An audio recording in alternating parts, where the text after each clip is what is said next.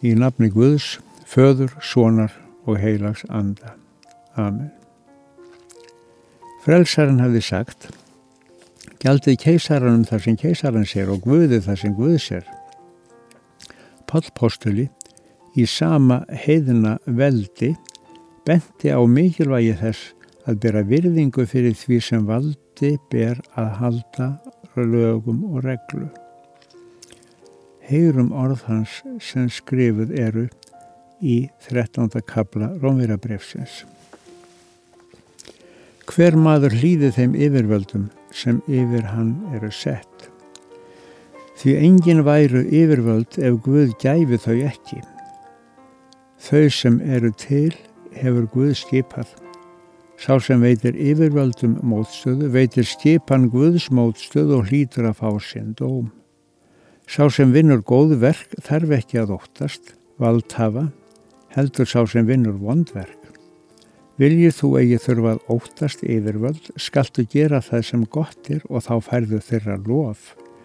Því að þau þjóna Guði þér til góðs. En ef þú gerir það sem illt er, þá máttu óttast. Yfirvöldin bera ekki sverð sitt ófyrir sinju. Þau þjóna Guði og er skilt að refsa þeim sem illt fremja. Því er nöðsinn að hlýðnast ekki aðeins af óta við hegningu heldur vegna samvisku sinnar. Enda er það þess vegna sem þið vilji gjalda skatta að valdhafar eru þjónar Guðs í því sem þeir eigað annast.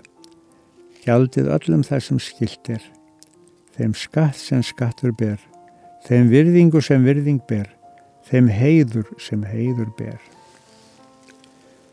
Byggjum í Jésu nafni. Við byggjum því drottinum náð og styrk til þess að lifa í sátt við umhverfi okkar sem ætlaði til stjórnunar og eftirlits. Við þökkum þér að við lifum í því þjóðfélagi þar sem kristinni gildi ráða jafnrétti og réttlæti.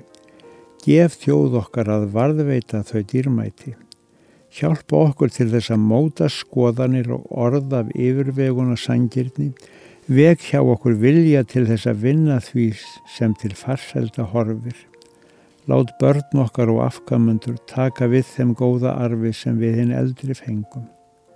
Það allt leggjum við í þínar hendur með bæninu sem Jésús kendi og segjum.